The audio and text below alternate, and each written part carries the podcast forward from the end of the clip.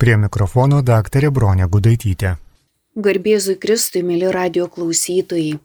Mes toliau kalbame apie ramybės maldą, tylos maldą, kontempliacijos, skaitydami, kad ir Teresės avilietės lekcijo divyną mes labai natūraliai susipažįstam su visais etapais ir būtent tas paskutinis kontemplatyviosios maldos arba ramybės maldos perskaitai ir viskas kaip ir aišku, bet vis dėlto dalykai, kurie teoriškai yra aiškus, nebūtinai jie yra paverčiami tikrovė. Ir dažniausiai mes gyvenam kažkaip įprastu būdu, o dalykai, kurie mums nėra įprasti, mes teoriškai juos priimam, bet dėl to jie toliau netampa mūsų realybė. Bet vis dėlto, kai mes kalbam apie tikinčio žmogaus buvimo būdą, ta ramybės malda, tylos arba kontemplatyvioji malda, ji kažkokiu būdu vis dėlto turėtų būti mūsų gyvenimo siekinys. Mystikai, kurie išgyveno būtent šią maldą, sako, kad ramybės maldoje patiriama daugiausiai kad siela niekur taip nebūna apšviesta, įkvėpta gyvybės, pakilėta, kaip ramybės maldoje tarsi koks aukso debesis ją apgaubtų ir tame aukse siela maudytųsi. Ir, ir šis potyris, kaip šventoji Teresė Vilietė sako, leidžia sielai atrasti ne tik Dievo transcendentiškumą, bet taip pat ir imanentiškumą. Kitaip tariant, kad Dievas ne tik tai kaip peržengiantis visą ir esantis visame kame, bet veikiantis, kaip, kaip jis sako, kad Dievas veikia visose daiktuose ir pačioje sieloje. Ir tuo pačiu jis yra aukščiau visų daiktų ir aukščiau sielos.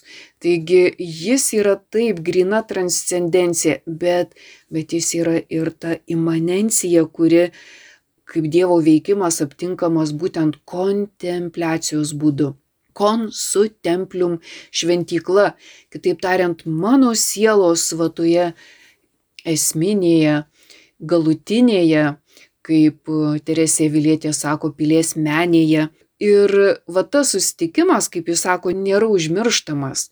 Ir būtent jeigu kas išgyveno tokio gilio, sakykime, maldos potyrį, tai Teresė juokiasi iš tų žmonių, kurie paragavę, kaip jis sako, šio malonumo, mėgina savo pastangomis susigražinti tuos potyrius. Ir ji sako, kad taip elgesi pradedantieji ir tada tarsi savo jėgomis, kaip jis sako, tai siela pradeda pajutusi tą sielos kibirkštėlę ir kai tu pats negali jos išsaugot, kaip jis sako, tai tada siela pradeda kraut malkas, tai tuos beverčius išaukštintus samprotavimus, kurie visiškai tą liepsną nuslopina, užgesina ir tada belieka kažkas, ar ne, belieka ten mano įvaizdis, mano nuomonė, kurios aš įsikimbu ir, ir tada tarsi galiu paaiškinti, kas yra ta ramybės malda. Teresė sako, ne, ramybės malda yra patiriama dar ir tokiu būdu, kai tu pradedi jūs, kad skirtingai tavo kitos sielos galios dirba, kaip mes pasakytume. Kitaip tariant, tai, tai nėra kažkas, ką tu gauni, bet kažkas, kas su tavim atsitinka. Čia panašiai, kai mes apie tikėjimą kalbėtume, ar ne, kartais atrodo, kad nu tu jį e, turi, tikėjimą, nu vad kaip tokį ar ne, kuris tau padeda gyventi ir, nu ir kas yra tas tikėjimas. Jis turėtų tave keist, formuot, tu turėtum tapti būtent tuo perkeistu, atsiversti tikėjimo pagalba, bet mes galvojam, kad tikėjimas tai yra kažkas, ką aš turiu, ką aš galiu daugiau įsigyti, nu ar mažiau, tarsi išbarstyti, bet e, todėl, kad mes visada įpratę gyventi taip išoriškai, turėjimo prasme. Kažką turiu, kažką prarandu, kažką įsigiju, kažko daugiau, kažko mažiau. Ir šitaip, kalbant apie tikėjimą, iki šių dienų daug kas įsivaizduoja tą tikėjimo prasme, nes galim sakyti tiesiog tai, kaip Jungas sakytų, toks archetipas mumise jau yra įsigyvenęs, įsišaknyjas, nes jeigu mes pagalvotume šiaip apie krikščioniško tikėjimo protėvius, ar ne, Senajame testamente, būtent tai išrinktoji Dievo tauta yra vedama paties Dievo, bet jų laikysena tai yra tokia daugiau paremta, sakytume, ritualinė gyvenimo tvarka.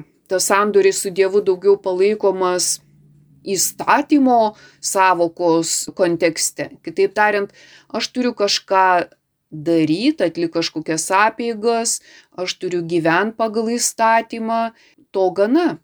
Ir Jėzus, kai atėjo, ką jisai pasakė, kad aš atėjau ne panaikinti įstatymo, bet išpildyti. Ir kas yra tas išpildytas įstatymas? Paverstas gyvenimo, paverstas tikrovė. Kitaip tariant, tai gali būti šalia mano gyvenimo, o tai gali būti mano gyvenimas visas. Va čia ir yra tas skirtumas, kai kalbam apie tikėjimą, gali tas tikėjimas užimti dalį mano gyvenimo ar ne. Aš atėjau bažnyčią, aš pasimeldžiau, išėjau ir gyvenu kaip noriu. Tiesiog duoklę atidaviau, e, nu, įstatymų prasme laikausi kažkiek ar ne, kai nesilaikau, nueinu iš pažinties, nu ir va taip gyvenu. Bet va tas archetipas yra kaip ir vakarų religingumo toks atvaizdas, nes ir romėnų, sakykime, religingumas irgi buvo paremtas ritualiniam formom, tradicijų laikymusi. Bet tas tikėjimo faktų išgyvenimas arba gyvenimas tikėjimu tai nebuvo esmė. Kitaip tariant, romėnų religija iš esmės buvo apieigų sistema ir svarbiausia tiesiog atliktas apeigas jų laikytis. Bet kad tikėjimu perverst E, savo gyvenimą paverst tikiu tikrovę, o ne tik, kad tai būtų kažkokia formulė, įstatymas ar ritualas, ar ne. Vat kažkas, ko nėra taip sunku laikytis, nes tai yra, visi tie dalykai yra išoriniai mano gyvenime, dėl ko Jėzus dažnai rašydavo, rašydavo ir ištrindavo. Ir ne, ne įstatymas, ne raidė, raidė, jis sakė, užmuša. Tai va čia prasme mes tiesiog galim turėti tą tikėjimo schemą. Ir dažniausiai net tas mūsų tikėjimas mūsų viduje yra tam tikra schema, kada mes žinom, ką, ką reikia ten padaryti, kiek sakramentų priimti ir taip toliau. Ir, nu, ir viskas susitvarkiai ir gyveni ramiai. Ta formulių sistema, sakykime, atseki ir gana. Bet Jėzus sakė, atsiverskite, atsiverskite. Ir va tas tikrasis tikiu, tikrasis kredo nėra joks išorinis dalykas, bet žmogus taip sukurtas, kad jo akis mato įvairius dalykus ir jis įvairius dalykus nori paversti matomais. Net patį Dievą, kažkuo, kas būtų matoma. Dievą nori suvokti per kažkokias matomas schemas, bet Dievas iš esmės nematomas, todėl jisai visada bus už bet kokio mano supratimo lauko, tuo labiau už mano matymo lauko.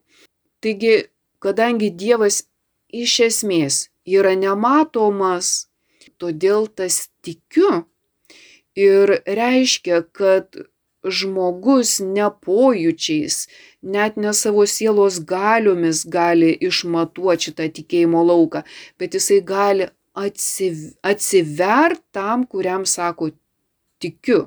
Kitaip tariant, tam, į kurį aš tikiu, vad jis yra svarbiausia, bet jis yra už mano visų ribų. Aš per tikiu išeinu į užribius, bet dažniau būna, kad, vad, kai sakau tikiu, tai aš visus tuos užribinius dalykus tarsi į savo va šitą matymo lauką noriu perkelt ir Dievą pasigamint pagal mano matymo kategorijas. Ir tada ta, sakykime, tikroji tikėjimo tikrovė kaip ir pradingsta. Lieka tik tai, kas aš pats esu, ką aš pats galiu, ką aš pats žinau Ir tiems dalykams nereikia tikėjimo, nes tie dalykai tiesiog yra manyje. Tai kitaip tariant, tikėti tai reiškia, kad e, tu kaip, nežinau, ant kažkokios ribos tarp matomo ir nematomo. Nes tikiu, tu sakai tam nematomam, bet tu esi čia, kur tu viską matai, lieti, supranti, paverti schemomis ir taip toliau. Bet e, tikėjimo esmė tai yra atsiverimas, ar ne? Tikėjimo esmė tai yra ryštas. Tai, ne, tai nėra kažkokios, sakykime, nuomonės turėjimas, kada aš ginčysiuos su kitu, kuris turi kitą nuomonę, ar ne? Ne, apskritai, tas, kuris tiki, jam nėra reikalo kažkokiu būdu įrodinėti, nes jisai tiesiog parodo savimi pačiu, e, kas jis toks yra, kai jis tiki. Ir tikėjimo patirtyje tu nieko negali pasisavinti, tu, nie, tu nieko negali įgyt, kas tau priklausytų. Taip, tu gauni daug, dėl ko kryžiaus Jonas sako, įlieta įlieta šita malda, nes tai ne iš mūsų ateina tos dovanos. Jos yra įlietos, mes jas galim matyti, bet mes jų negalim pasisavinti. Čia va ir yra tas atsivertimas, atsivertimas nuo tos formaliosios dalies, nuo tos įprastos, daiktiškos, kur mes visada norim pasisavinti, kažką turėti, kažką matyti, kažką apčiuopti, bet kalbant apie tikėjimą, tai pavirsta iliuzijomis, nes Dievo tu niekada e, tokiu nepaversi. Tikėjimas tai tarsi šuolis per, per bedugnę į kažką, kas yra neapčiuopiama, neregima, nematoma, bet tikima. Čia ir yra tas atsivertimas arba atsisukimas į Dievą, tai yra mūsų apsisprendimas ir Bet tai, tai nėra niekas, ką, ką aš tenai iki galo su, suformavęs turėčiau savo e, prote ir reikalų esant galėčiau ištraukti ir, ir kitiems e, parodyti. Dėl to Teresė Vilietė ir vadina krauti malkas. Krauti malkas tai yra paversti beverčiais ten samprotavimais apie Dievą, bet nėra tos jau kibirkštėlės, tos meilės kibirkštėlės, kuri buvo užžiepta paties Dievo. Jos jau nėra, aš ten prikroviau malkų, savo degtukais uždegiau ir ir viskas baigta. Gyvenu aš, matau tik save, turiu savo nuomonę, bet, nu, O kur čia vieta tikėjimui? Kryžiaus Jonas ir sako, bet tai ką per ramybės maldą veikia sielos galios? Nu ką, ką jos tada veikia?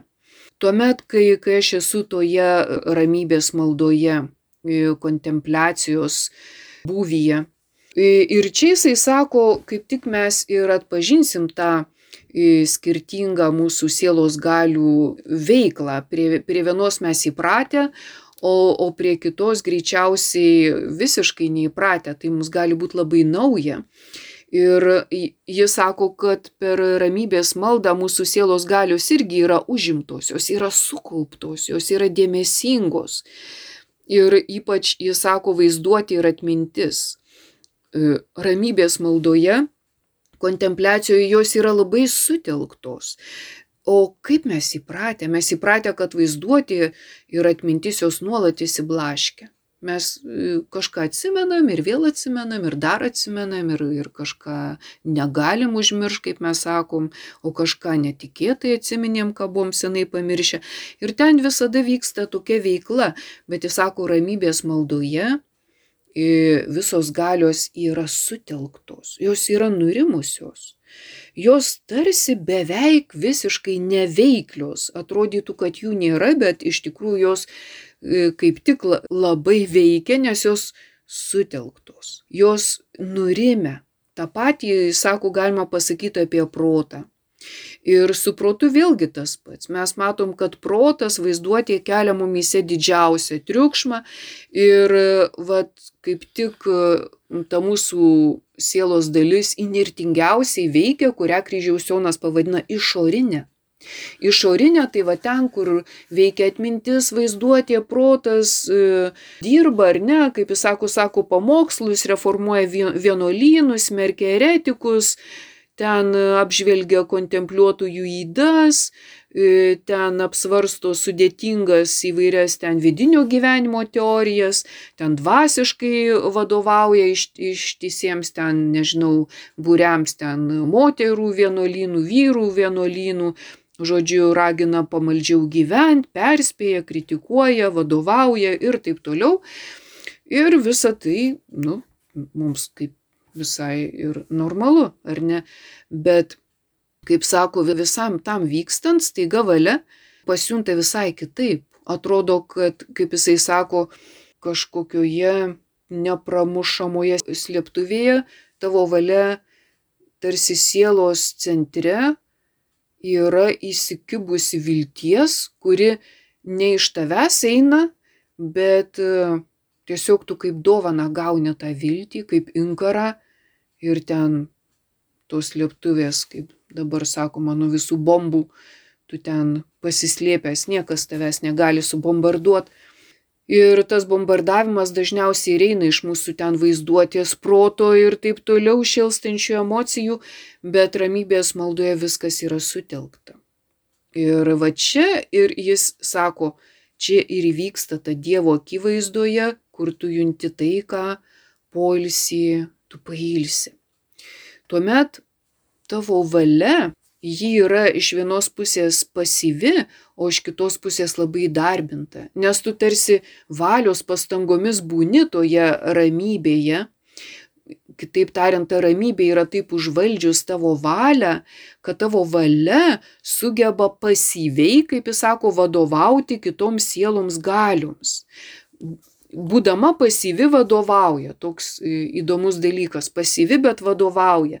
Ir valia, būdama pasyvi Dievo atžvilgiu, tai reiškia, kad Dievas savo valia veikia mūsų valią ir tada ta mūsų valia veikia mūsų e, protą. Jį, jį sutvardo, jis nurimsta, nes mūsų valia yra nu tokia galinga, kad jos klauso protas.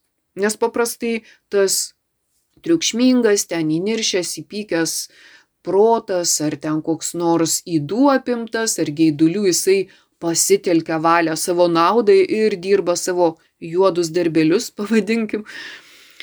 Kalbant apie įdas, tai čia atvirkščiai. Valia vadovauja protui. Valia esanti visiškoje ramybės būsenoje tarsi valdo protą, jį nuramina ir netgi pradeda vest, valia veda protą. Ir va čia, kaip kryžiaus Jonas sako, tokiu būdu per mūsų valią Dievo meilė tarsi sugrebė sielą ir pritraukė ją prie savęs. Ir vat tai, kad pritraukia ją prie savęs, jaučia visos sielos galios, todėl jos, nu tiesiog yra tokios dėmesingos ir taip nurimę, nes mūsų sieloje vyksta visai nauji dalykai, ne tie, kuriuos mes patys ten, kaip Teresė Vilietė sako, kraudami malkas ten kažką norim užkurt, bet vyksta tai, ko mes patys negalim padaryti. Ir tokioje būsenoje niekas negali sielos išblaškyti. Tai va kaip tik ir sako, kad pirmas toks svarbus dalykas, tas toks vidinis susikaupimas, naujas, ne, neišgyventas, dėl ko susikaupimas, todėl kad niekas negali sielos tuo momentu išblaškyti. Ir antras svarbus dalykas, kad, kad siela negali suprasti ir negalėtų ir paaiškinti, kas su jie vyksta. Nes Dievas pasyvę sielą suvienyje su savim ne per intelektą, bet būtent per tą aklą sielos galę per valią. Ir šventoji Teresė, paskaitysiu, kaip, kaip jinai rašo apie šitą momentą. Jis sako, nors kitos galios ir būtų išsiblaškiusios, vis tiek jos nenustoja tos ramybės ir rimties tol, kol tęsiasi šis susikaupimas, kai valia esti susivienijusi su Dievu. Protas ir atmintis, e, kaip ji sako, negali iš sielos atimti tos laimingumo būsenos, siela džiūgauja, pati neįdėdama jokių pastangų. Tai šitaip jinai aprašo. Jis sako paradoksas, atrodo valia tokia pasyvi Ir jinai čia sureguliuoja, paveikta Dievo valios, mūsų valia sureguliuoja kitas mūsų sielos galės. Ir čia mes išgyvenam tą, tą laimingumą, kurio iš tikrųjų ir trokštam labiausiai. Ir jis sako, kad kitos sielos galios, nors jos įpratę būti aktyviomis, iš tikrųjų irgi nieko nedaro. Nes, kaip jis sako, jeigu tas veiklumas prasidėtų, tai tas veiklumas būtų labiau trukdis negu kažkokia pagalba. Dievo veikimui pagalbos nereikia, bet sustabdyti tą Dievo veikimą galim. Todėl, kaip jis sako, mes ir turėtume tiesiog leisti Dievo valiai veikti mūsų sieloje. Ir tas pasyvumas kaip tik čia yra laiku ir vietoj. Ir sako, neturėtų protas e, dabar kontroliuoti, ar ne, kažkur nukreipti, e, bet e, esmė yra išlaikyti tą ramybę savo sieloje ir ta ramybė, sako, kaip tik pasireiškia ir kaip didžiausia sielos laisvė. Niekur mes tiek laisvės nepatiriam, kaip būdami su Dievu. Taigi šioje ramybės maldoje siela yra tarsi ta, kuri regi Dievą. Regi kitaip, ar ne, regi tą Dievo veikimą. Kryžiaus Jonas sako, kad šita pasyvi sielos ramybės malda pasibaigia tada, kaip tos mūsų sielos galios, jeigu jos vėl įsijungia ar ne protas galvoja, kas čia dabar vyksta. Reikia tvarką įvest, ar ne? Ir jeigu pradeda iš karto analizuoti, įsijungia ta, sakykime, mūsų e, sprendimo gale, čia yra gerai, blogai, nuo manęs priklauso ar nepriklauso, ką čia aš turėčiau geriau padaryti. Ir tada mes tik patys galim sustabdyti ir dažniausiai kaip kryžiaus Jonas tas ir vyksta. Ne, ne Dievas sustabdo, mes patys sustabdom tą e, ramybės e, maldą. Na, bet e, pakalbėjom apie tai, ką valia veikia ramybės e, maldoje, o kągi tas kontempliuotojų protas veikia. Tai Teresė sako, kad e, va ta teisinga proto veikla tai būtų atpažinti Dievo veikimą. Vėlgi, kaip jis sako, toliau užsiimti savęs pažinimu. Ką reiškia toliau? Toliau tai reiškia, kaip jis sako, nusižeminimo būdu priimti tai, kas vyksta tavo sieloje, nusižeminimo būdu. Nes e, kai kryžiaus Jonas sako, mes patys sustabdom tą veiklą, tai reiškia, kad mes tampam aukštesni už tai, kas vyksta manyje. Tai čia nėra nusižeminimo būsena, bet yra to nuolatinio kontrolieriaus, o kas gi čia vyksta, o kodėl čia taip viskas vyksta, o kodėl aš čia ne nuo pradžių žinau, kas čia vyksta, ar ne. Kitaip tariant, nėra to nusižeminimo dvasios, nes nusižeminimas yra kaip Marijos tebūnie, ar ne. Bet protas kaip kontrolierius nesako, tai aš turiu kontroliuoti. Dėl ko Teresė Vilytė ir sako, protas turėtų pirmiausiai pripažinti, kad ne jis čia veikia, kad tai yra Dievo dovana ir užsimti toliau savęs pažinimu, tai reiškia, kaip jinai ir paaiškina, kad čia reikalingas nusižeminimas. Nusižeminimas tai ir yra, kad aš sustabdau save. Nes nenusižeminę žmogus, tai jisai nestabdo nei savo valios, nei savo proto, nieko jisai nestabdo. Jis yra tas, kuris daro, ką nori, kuria savo karalystę, rūpina savo šventų vardu ir savo valia. Tai va tai mums yra įprasta ta veikla, bet, kaip jis sako, užsink savęs pažinimu, atpažink, kad tai tavyje vyksta ir sustabdyk. Kitaip tariant, nusiramink, nusižemink. Ir tada, kaip jis sako, liks tik tas valios veikimas, ar ne kaip tas dėmesingumo išlaikymas. Taip kaip apie Mariją buvo pasakyta, ji išsirinko geresnę dalį, bet ji buvo dėmesinga Jėzaus žodžiams. Taip ir čia Marija prie Jėzaus kojų nieko ne, neveikė, ir net čia tame pasakojime apie Mariją ir Mortą. Morta buvo labai aktyvi, užsėmus išorinę veiklą, o Marija tiesiog buvo kontemplatyvi, tyli, susitelkusi Ir iš išorės žiūrint nieko neveikė, bet vidinė prasme joje veikė Dievo malonė. Ir visos galios buvo joje būtent sutelktos, kad, kad visa tai, kas vyksta, išsipildytų joje. Bet nuo jos niekas ten nepriklausė. Tai ir šitoje vietoje kaip tik Teresė Vilietė ir sako, o protas turėtų nusižeminti ir turėtų pripažinti, kad tai yra Dievo dovana.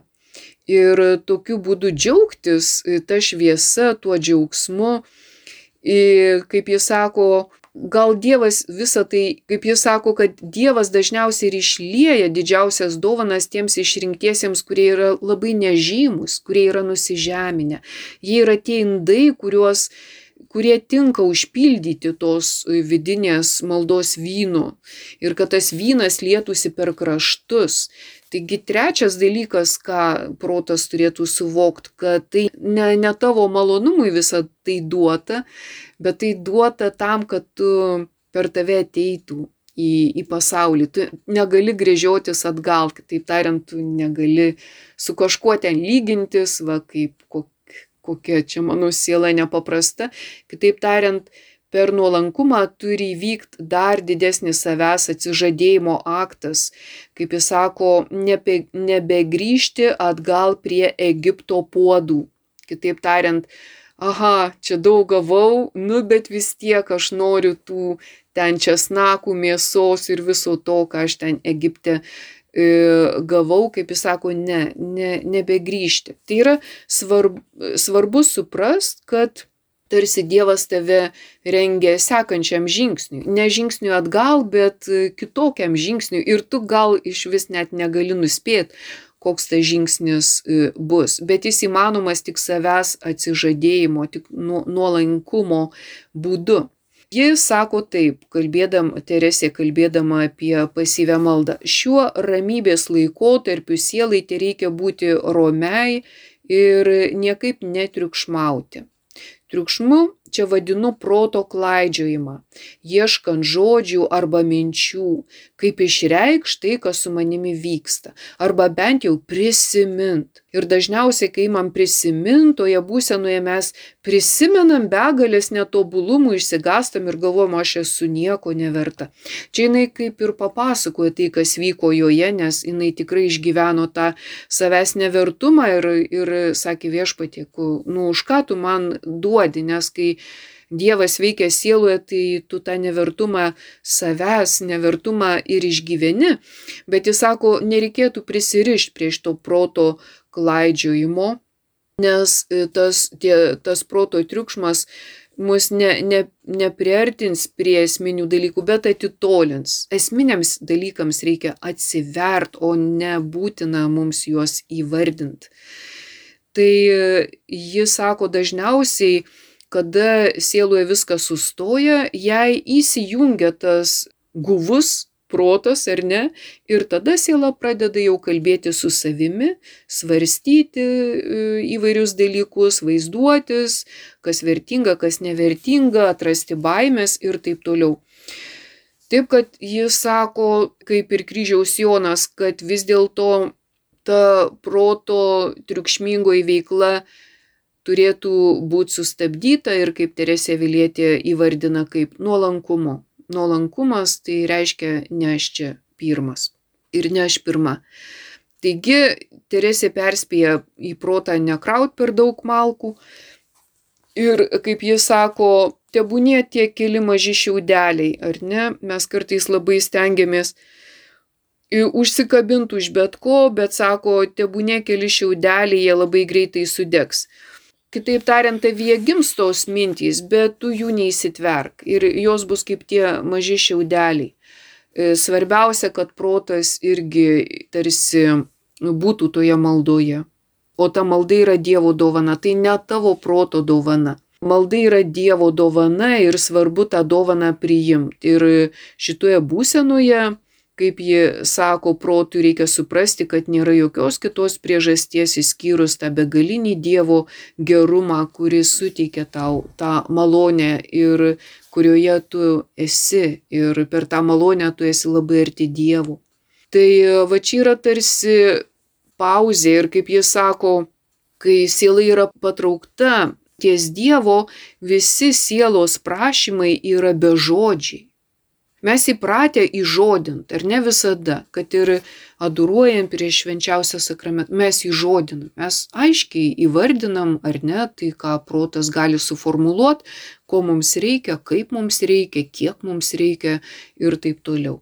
Bet šitoje maldoje, ramybės maldoje, kaip jis sako, net jeigu tavo sieloje ir gimsta kažkoks prašymas, jis tiesiog yra bežodis, bet tai yra kažkoks kaip jis sako, išgyvenamas ilgesys ir dažniausiai tas prašymas ir būna, kad tu tiesiog liktum su Dievu. Tai nėra kažkas tavo išorinėms reikmėms. Vėlgi, ir kryžiaus Jonas, ir Teresė Vilietė nekalba apie kažkokį ten visiškai kaip kad sielai ir toliau spazmuose ten numiršta ar ne, toje būsenoje ne, kaip jie sako, tai yra klaidingas supratimas, siela nevedama į sąstingį, kad vi, viskas sustotų ir tarsi numirtų ir paskui tokia jau apdujus nuo, nuo visko tarsi ten rymotus vien tik tai savyje, nors jie abu kalba apie tai, kad e, grįš į kasdienybę perkeistas. Kitaip tariant, kad kai Dievas tave perkeičia, tai, tai nėra tas pats, ką, kaip tu gali save tobulinti ar ne proto ribose. Tai yra toks esminis perkeitimas ir tu grįžęs į realybę esi kitoks. Ir va šitoje vietoje, kai klausi, kas atsitinka su, su tuo e, žmogum, kuris paskui tarsi tą Dievo dovaną nešasi į kasdienybę. Ir kaip tik kryžiaus Jonas sako, e, kaip siela pajunta tą pašaukimą kontemplatyviai maldai, kurį jinai visą laiką savyje išgyvena. Kaip jisai sako, yra tokie trys požymiai. Du negatyvūs, vienas pozityvus. Ir va tas pirmas požymis, kad, kaip kryžiaus Jonas sako, kad siela jau negali likti toje vien meditacinėje būsenoje, kurioje ilgą laiką tai būdavo sielos tam tikros ribos. Aš Kitaip tariant, paskaitau šventą raštą ir aš nu jį galiu pamedituoti, aš jį galiu kažkaip pasiaiškinti, suprast. Bet e, kryžiaus Jonas sako, galiausiai, kai jau sila pasirengus gyventi kontemplatyvų gyvenimą, tiesiog ne, neužtenka vien tik tai tos meditacinės būsenos, sielai neužtenka įdarbinti vaizduotę, protą, ją pradeda vargint tas užsiemimas, jinai trokšta vien tik tai tylos, ar ne, taip kaip apie Eliją šventajam rašte sakoma, kai pašaukė Dievas į kalnus ir sakė, kad ten susitiks su juo, ar ne, ir tada ten jis visur stengiasi Dievą įžiūrėti, bet galiausiai tik tyliame, nu, tame tylos dvelgsme Dievas prakalbo taip ir čia kad siela jinai kaip tik tylos dvelgsmui yra pasiruošus ir jai jinai vargsta nuo to, jeigu reikia įdarbinti protą, vaizduotę, kitas galės. Tai vad kryžiaus Jonas sako, tai ir yra tas pirmas toksai ženklas. Antras požymis, kad mes įpratę, kaip ir pradžioje sakiau, mąstyti kažkokiais konkrečiais objektais apie viską. Ir apie Dievą mes kažkaip mastum, kaip apie kažkokį konkretų, kad ir patį didžiausią objektą, kad Dievas yra, pažiūrėjau, gailestingas. Ir iš karto mes įvelkam ir į vaizduotę, ir į proto kokias savokas, kas tai yra tas Dievo gailestingumas. Kryžiaus Jonas sako, negali siela konkrečiai su niekuo susėti Dievo, bet vis dėlto siela dėmesingai susikoncentravusi į kai ką. Ir va tas kai ką, kai kas yra tarsi niekas, bet tai yra Dievas. Ir kaip kryžiaus Jonas sako, protas ir valia tiesiog neranda atilsio ir pasitenkinimo jokiuose dangiškuose dalykuose, kuriuos mes galim įvardinti. Nepa, tos sielos nepasotina Dievo idėjos ar kažkokie įvaizdžiai, ar kažkoks apčiuopiamas jausmas, bet siela yra susikoncentravusi į kai ką, kaip praeitą kartą sakiau, kad tai, kas čia vyksta, negali būti pavadinta nei daiktų, nei dalykų, bet tai yra patiriama.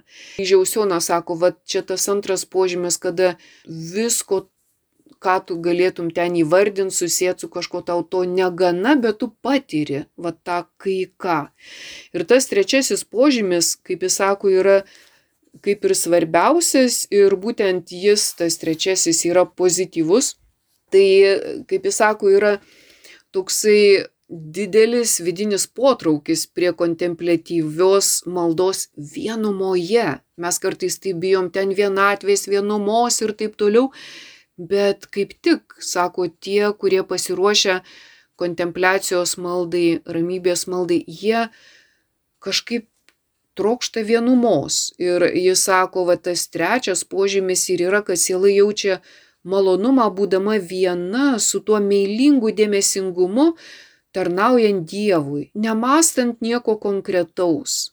Tai ką, ką dera daryti per tą maldą, tai kryžiaus Jonas sako tiesiog priimt e, tuos įkvėpimus ir neiškelt kliučių, nesupurvint to, kas vyksta.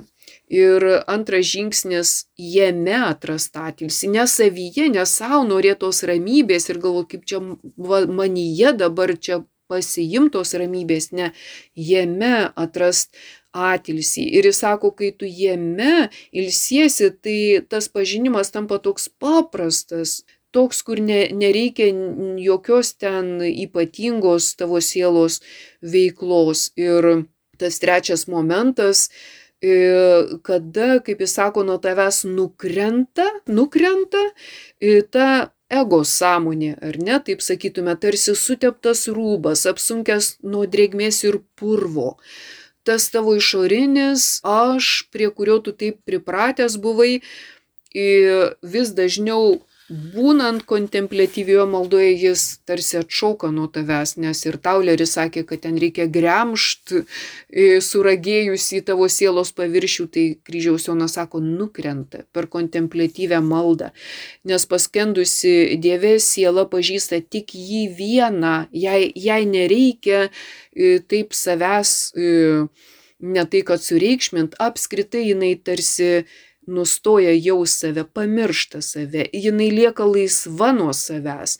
Ir tas dėmesingumas yra ne į save, o dėmesingumas yra į Dievą, tas, kuris veikia tavyje.